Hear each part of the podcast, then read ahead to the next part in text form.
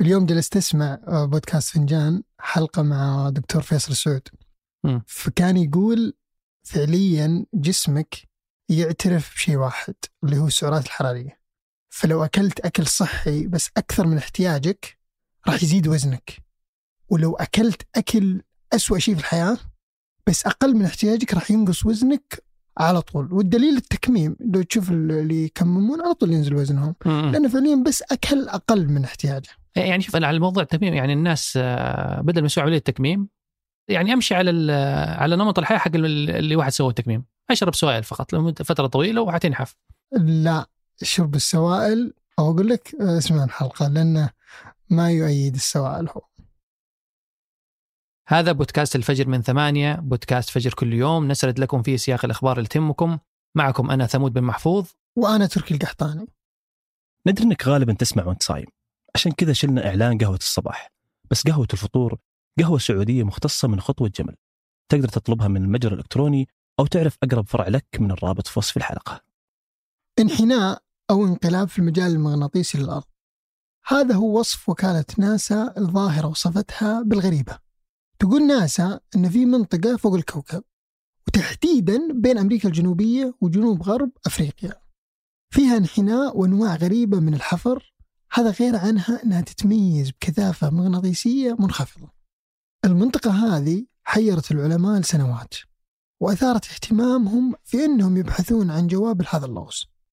الإيجابي في الموضوع أن هالانحناء واللي تسميه ناسا بشذوذ جنوب الأطلسي ما ثبت له أي تأثير على الحياة في الأرض. لكن المشكلة هو أن المركبات الفضائية اللي تمر من خلال ذي المنطقة معرضة لبعض المخاطر نتيجة لانخفاض شدة المجال المغناطيسي بمنطقة الانحناء واللي ممكن يتسبب تعطل الأنظمة التقنية الموجودة بالمركبات الفضائية. والانخفاض هذا ينتج عنه ضربات عشوائية ممكن تؤدي إلى ضياع كمية كبيرة من البيانات أو حتى ضرر دائم بعض العناصر الأساسية بالمركبة الفضائية. ولأن التهديد حقيقي وجدي تضطر الشركات أنها تقفل الأنظمة التقنية بالمركبات الفضائية كل ما عدت بمنطقة الانحناء في المجال المغناطيسي. طيب إيش هو المجال المغناطيسي للأرض؟ وهو طال عمرك عبارة عن طاقة ضخمة متكونة في لب الأرض على هيئة مجال مغناطيسي. وهذا المجال له قطبين موجودين عند قطبي الأرض الشمالي والجنوبي. وله تأثير كبير ويمتد لآلاف الكيلومترات بعيد عن سطح الأرض. والسبب الأساسي في تكونه هو وجود تيارات كهربائية في المعادن السائلة الموجودة في باطن الأرض مثل الحديد النيكل وغيرها. وهالمجال يتحكم في البوصلة مثلا بحيث أن إبرة البوصلة تشير دائما لقطب المغناطيس الشمالي بس السؤال الحين كيف تحدث هذه الظاهرة؟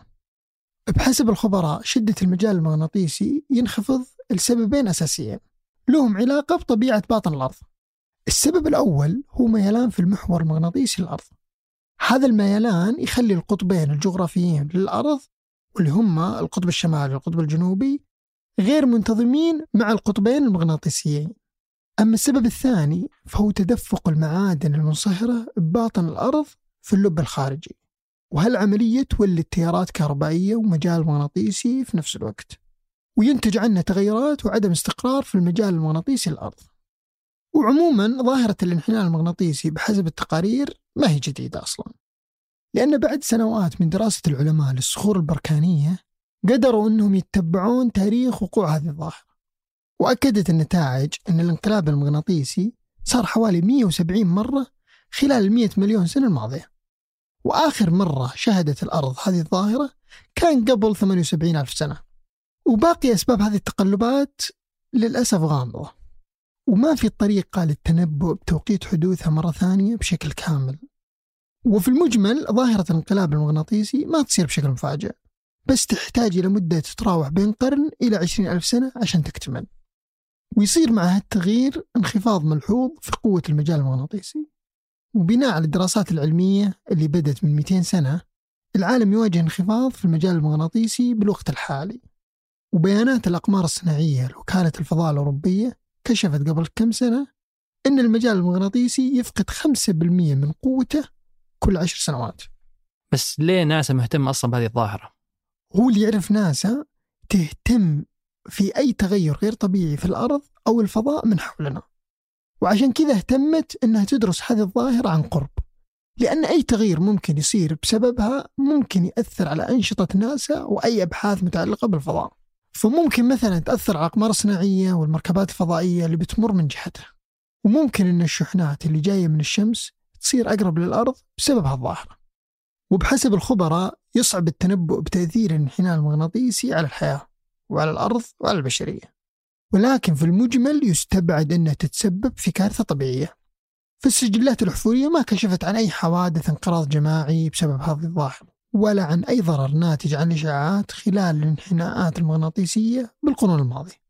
لكن هذا ما يعني أن الانحناء المغناطيسي ما راح يكون له أي تأثيرات سلبية. فممكن تصير أشياء مثل التأثير على تداخل شبكات الكهرباء وأنظمة الاتصالات.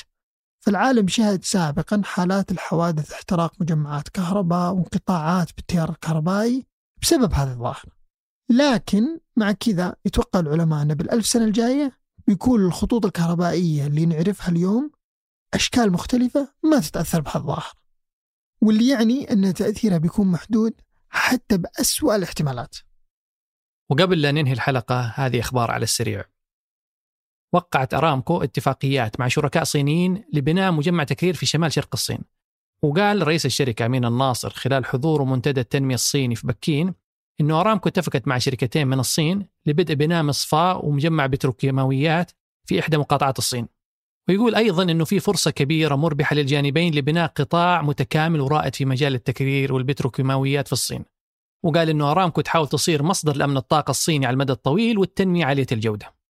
وفي الخبر الثاني أعلنت وزارة الحج والعمرة بالسعودية هذا الأسبوع أن كل شخص يحق له أداء العمرة في رمضان مرة واحدة فقط وما يسمح بتكرارها. وقالت أنه هدفها من هذا التنظيم هو ضمان فرصة للجميع لأداء العمرة في مواسم زي رمضان وأنه بيكون إصدار التصريح عن طريق تطبيق نسك التابع للوزارة.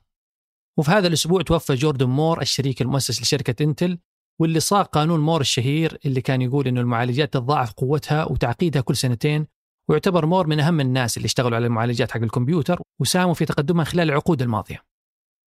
أنتج هذه الحلقة تركي البلوشي قدمتها أنا تركي القحطاني. وأنا ثمود بن محفوظ.